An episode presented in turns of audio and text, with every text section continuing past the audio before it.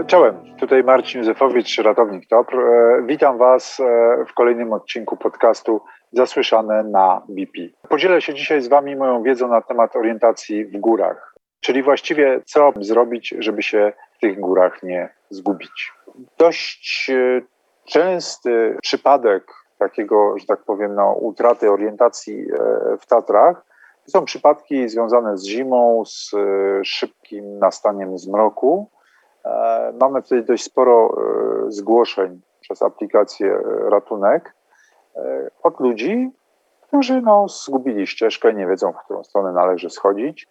Są w stanie za pomocą trzech naciśnięć odpowiedniego guzika albo góry zawiadomić TOPR lub GOPR. Uzyskują połączenie z odpowiednimi służbami, a dzięki temu, że używali do tego aplikacji, to ratownicy oprócz rozmowy otrzymują dokładne współrzędne miejsca, w którym ta osoba się znajduje. No i jakby po ich stronie jest wtedy już albo zorganizowanie odpowiedniego transportu, ratownictwa, czy podpowiedź czasami, w którą stronę teraz należy iść. E, polecamy oczywiście instalację tej aplikacji, natomiast no, niestety najczęściej jest tak, że e, traktują tematy związane z nawigacją konieczność użycia kompasu, mapy, posiadania tego. Raczej nie, tak? Raczej stwierdzam, no nie, no przecież idę w pięknej pogodzie. W związku z tym, no co mi grozi?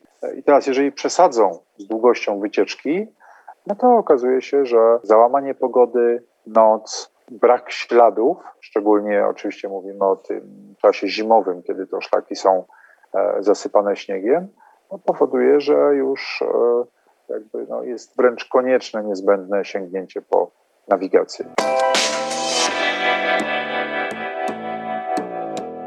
Właśnie, rzecz najważniejsza, planowanie, nawet jeżeli bardzo dobrze znamy teren, w którym kombinujemy zrobić jakąś wycieczkę, to jednak spojrzenie na ten teren całościowo, na mapie, bądź to papierowej, bądź no, czasami możemy sięgnąć po jakieś mapy e, cyfrowe na urządzeniach, o tym tam może za chwileczkę, e, to jakby daje pogląd e, na całość naszej wycieczki. Pozwala policzyć czas e, potrzebny na tą wycieczkę i pozwala określić, czy nie przeceniamy jakby swoich możliwości w konkretnym przypadku, to znaczy długość dnia, konieczność wykorzystania światła wieczorem, bądź też no, możliwości ruszenia bardzo wcześnie świtem. Też warto się zapoznać oczywiście z tymi informacjami, czyli o której jest wschód i zachód słońca. Tym bardziej, jeżeli się poruszamy w górach, których nie znamy, to już no, nie wyobrażam sobie jechać gdzieś i bazować tylko i wyłącznie na tym, gdzie kogoś spotkam na szlaku, żeby się wypytywać, czy bazować na jakichś e, drogowskazach. Bez mapy, czy to papierowej, czy to e, cyfrowej, no w ogóle nie wyobrażam sobie wejścia e, w góry ale właściwie nie tylko w góry. Taka umiejętność czytania tej mapy, którą można sobie ćwiczyć już w terenie miejskim, no doskonale sprawdza się, jak gdzieś się wybierzemy e, w miejsca nieznane i, i, właśnie próbujemy sobie gdzieś coś zaplanować, dowiedzieć się, którędy będzie bliżej z punktu A do B i którędy ciekawiej też przy okazji. I oczywiście no, nie zachęcamy do tego, żeby od razu ćwiczyć sobie w Tatrach, czy na przykład zimą w nocy. Oczywiście warto najpierw zacząć od gór może takim charakterze bardziej leśnym, jakieś drobne wycieczki właśnie nocne czy, czy w zamgleniu, e, które by spowodowały, że już e, nasze postrzeganie okolicy, brak widoczności innych szczytów czy to ścieżek, jeżeli to będzie zima, spowoduje, że rzeczywiście ta nawigacja już będzie niezbędna.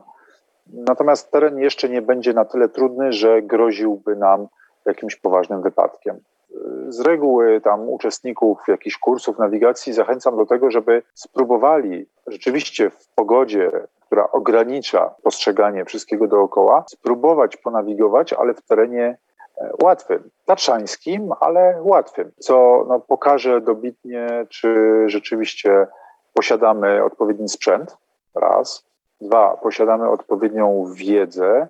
I po trzecie, czy stres, który się pojawi w momencie, kiedy no, stracimy tą orientację, czy ten stres pozwoli nam mimo wszystko skorzystać z tej wiedzy i z tego sprzętu.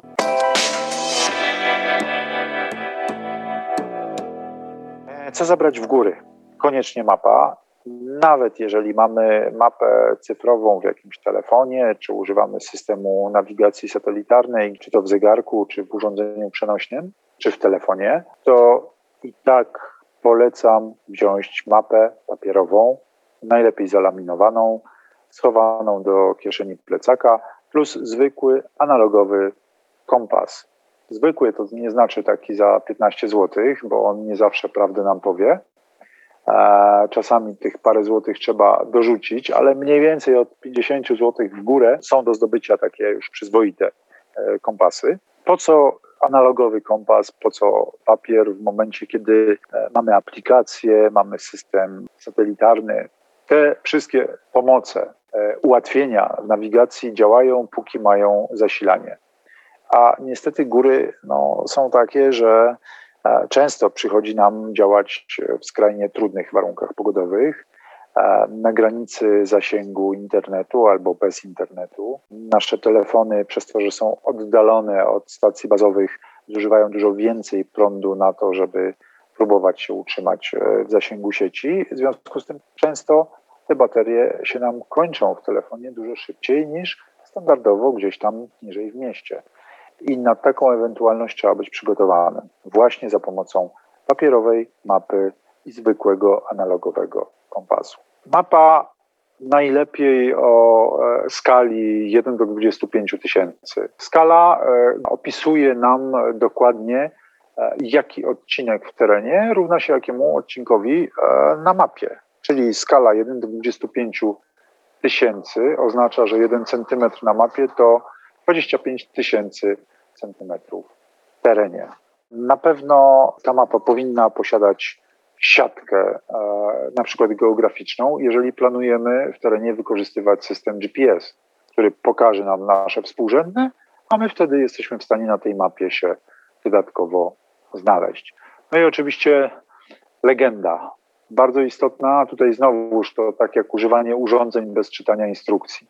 Najpierw trzeba się wgryźć w legendę, sprawdzić, e, jakie mamy symbole obszarowe, liniowe, punktowe, co one oznaczają, i dzięki temu będziemy wiedzieć w terenie, że mamy potok w tym i w tym miejscu. Tutaj sobie możemy do bidonów zatankować wodę. Widać powyżej nie ma schronisk, w związku z tym bez problemu można by było tą wodę pić, odpowiednio wzbogaconą. E, wiadomo, gdzie są jakieś szałasy, ławki. No, wiele tej treści jakby jest. Wiadomo, kiedy wychodzimy E, z lasu, e, kiedy wychodzimy z kosówek, kiedy już mamy to piętro turni i hal. W związku z tym też potem na bieżąco, już w terenie poruszając się, można i powinno się właśnie śledzić tą wycieczkę na mapie i próbować odnajdywać te punkty, w których jesteśmy. Wysokość oznaczona jest na mapie za pomocą poziomic. Podobnie na mapach cyfrowych jesteśmy w stanie właściwie w każdym miejscu, dla każdego miejsca odczytać wysokość. Tutaj wykorzystując e, kolejne narzędzie, altimetr, wysokościomierz, jesteśmy w stanie określić dość precyzyjnie, na jakim to fragmencie zbocza jesteśmy. No i oczywiście to są takie zapasowe, analogowe rzeczy, które wyciągamy wtedy, kiedy potrzeba, kiedy zawiodą te cyfrowe. E, natomiast oczywiście, że polecamy E, wykorzystywanie zdobyczy cywilizacji, czyli system GPS, czyli na przykład urządzenie do nawigacji, nie wiem, zegarkowe, w którym właściwie łączymy w tej chwili system GPS, łączymy tam kompas elektroniczny, jest wysokościomierz, który działa i na podstawie barometru, i na podstawie wysokości odczytywanej e, z satelit no i tutaj oczywiście znając e, plusy, minusy takiego systemu, w którym miejscu co najlepiej działa, no to też warto się w tym zakresie przeszkolić i poćwiczyć, ale na pewno e, tego typu nawigacja będzie dużo prostsza, szybsza, e, dokładniejsza niż nawigacja analogowa. No a skoro będzie szybsza, to tym samym będzie bezpieczniejsza, bo krótko mówiąc, będziemy krótszy czas spędzać w różnych zagrożonych miejscach. Podsumowując jakby ten odcinek o nawigacji, e, ten zapas, czyli kompas, mapa, wysokościomierz, e, analogowy, a być może jakaś nawigacja cyfrowa, e, pozwoli nam wyjść z opresji.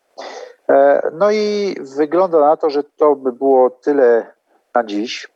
Bardzo się cieszę, że Państwo towarzyszyliście mi w tej przeprawie przez temat pod tytułem Orientacja w górach. Nazywam się Marcin Józefowicz, jestem ratownikiem TOP i niezależnie od celu Waszej podróży, do usłyszenia w kolejnych odcinkach.